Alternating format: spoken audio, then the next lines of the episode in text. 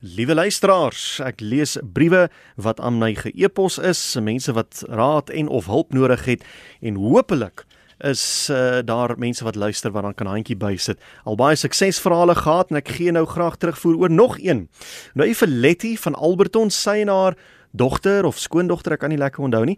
Uh, hulle het um, noodgedwonge begin om gesigmaskers te maak om inkomste te genereer, maar hulle naaldwerkmasjien het ingegee. Sy het toe 'n beroep gedoen vir 'n uh, uh, tweedehandse naaldwerkmasjiene en sy skryf terug. Sy sê ek was innig dankbaar daarvoor en oorweldig deur die vriendelikheid en opregtheid van die dames met wie ek kontak gehad het. Ek het geholpe geraak en bedank RSG hartlik vir hierdie geleentheid. Letty daar in Alberton Wonderlik om dit te hoor. Baie dankie dat jy ons laat weet het dat uh, julle nou weer aan werk is daarso aan die gesigmaskers. Net so voor ons met die briewe begin, die reëls wat ek maar altyd moet lees. RSG neem geen verantwoordelikheid vir die raad of hulp wat in hierdie insetsel gevra of aangebied word nie.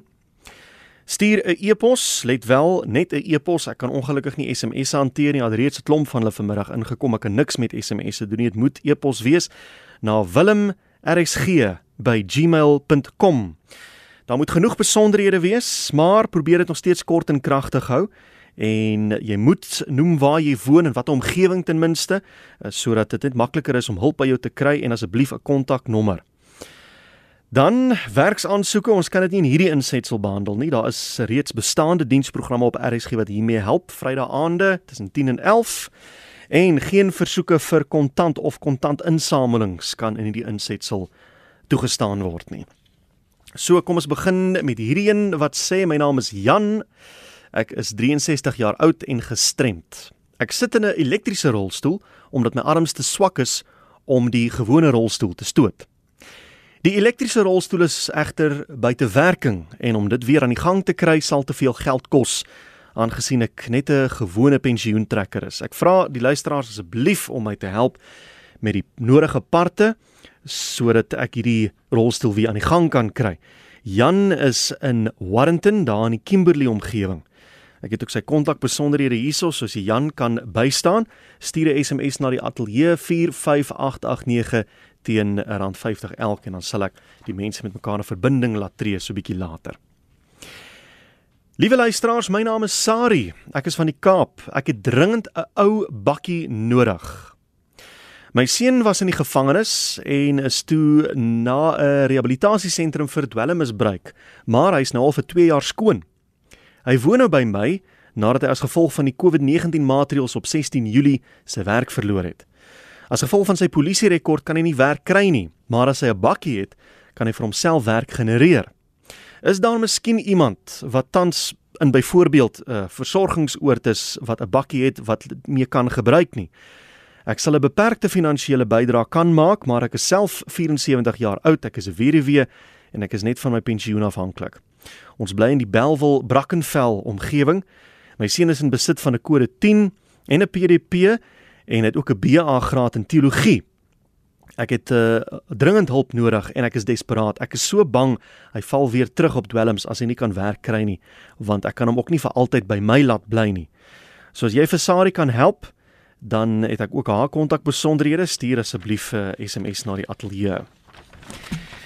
Uh as ek kan om uh, geblaai kry, liewe luisteraars, ek woon in Kraaifontein. Dis ook aan jou Kaap omgewing. Ek is blind en ek is dringend op soek na 'n tweedehandse foon, 'n touch screen.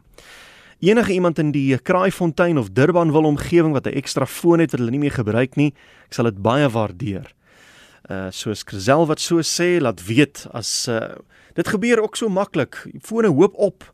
Jou kontrak, die uh, raak op en dan kry jy 'n nuwe foon en dan lê die ander foon daar so 'n keer nog niks, maar jy sit nou met al 12 fone van die afgelope 4 jaar en mens weet nie wat om daarmee te doen nie. Wel, hierso's nou 'n uh, iemand wat jy kan help. Miskien uh, kry ons 'n paar boodskappe hier na die ateljee, mense wat 'n foon of wat kan prys gee.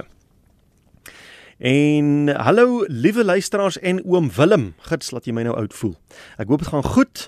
My ouma bak koeke en beskuit om te verkoop om haar staatspensioen aan te vul. Nou het haar oond opgepak. En sy versoek uh, graag 'n betroubare stoof met 'n oond.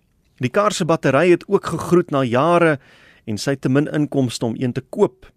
Ek vra asseblief of daar nie iemand is wat daar kan help nie. Sy bly in Port Shepstone. En hierdie hulp word aangevra vir ouma Bets, dis ingestuur deur haar kleinkind Savannah. So as jy dan uh, ouma daarson suidkus kan help, dan uh, sal dit ook waardeer word. So net om vinnig dan op te som, is dit Jan in Warrenton daar in die Kimberley omgewing. Hy uh, moet 'n elektriese rolstoel hê want sy arms is te swak om 'n gewone rolstoel te stoot, maar sy elektriese stoel werk nie op die oomblik nie. Hy kort sekere parte. As jy hom kan help, ek het sy kontakbesonderhede, miskien kan jy met hom kontak maak en hoor wat se parte hy nodig het en wat dit gaan kos en so aan. Sari daar in die uh Belwel Brackenfell omgewing wat dringend op soek is na 'n bakkie vir haar seun sodat hy sy eie inkomste kan genereer. Hy is nou 2 jaar skoon nadat hy in 'n rehabilitasiesentrum was vir dwelms en sy is baie bang hy val weer terug op die ou weë as hy nie kan eh, werk genereer vir homself nie. As daar iemand is wat Sari kan help. Chriselle is aan Kraaifontein, sy soek 'n foon, 'n touch screen moet dit wees. Sy's blind en dit sal haar lewe aansienlik vergemaklik. En dan Savannah wat inskryf namens haar ouma van Port Shepstone die uh, oond het ingegee en sy moet kan bak koeke en beskuit om haar inkomste aan te vul. Miskien kan iemand help met 'n oond wat hulle nie meer gebruik nie.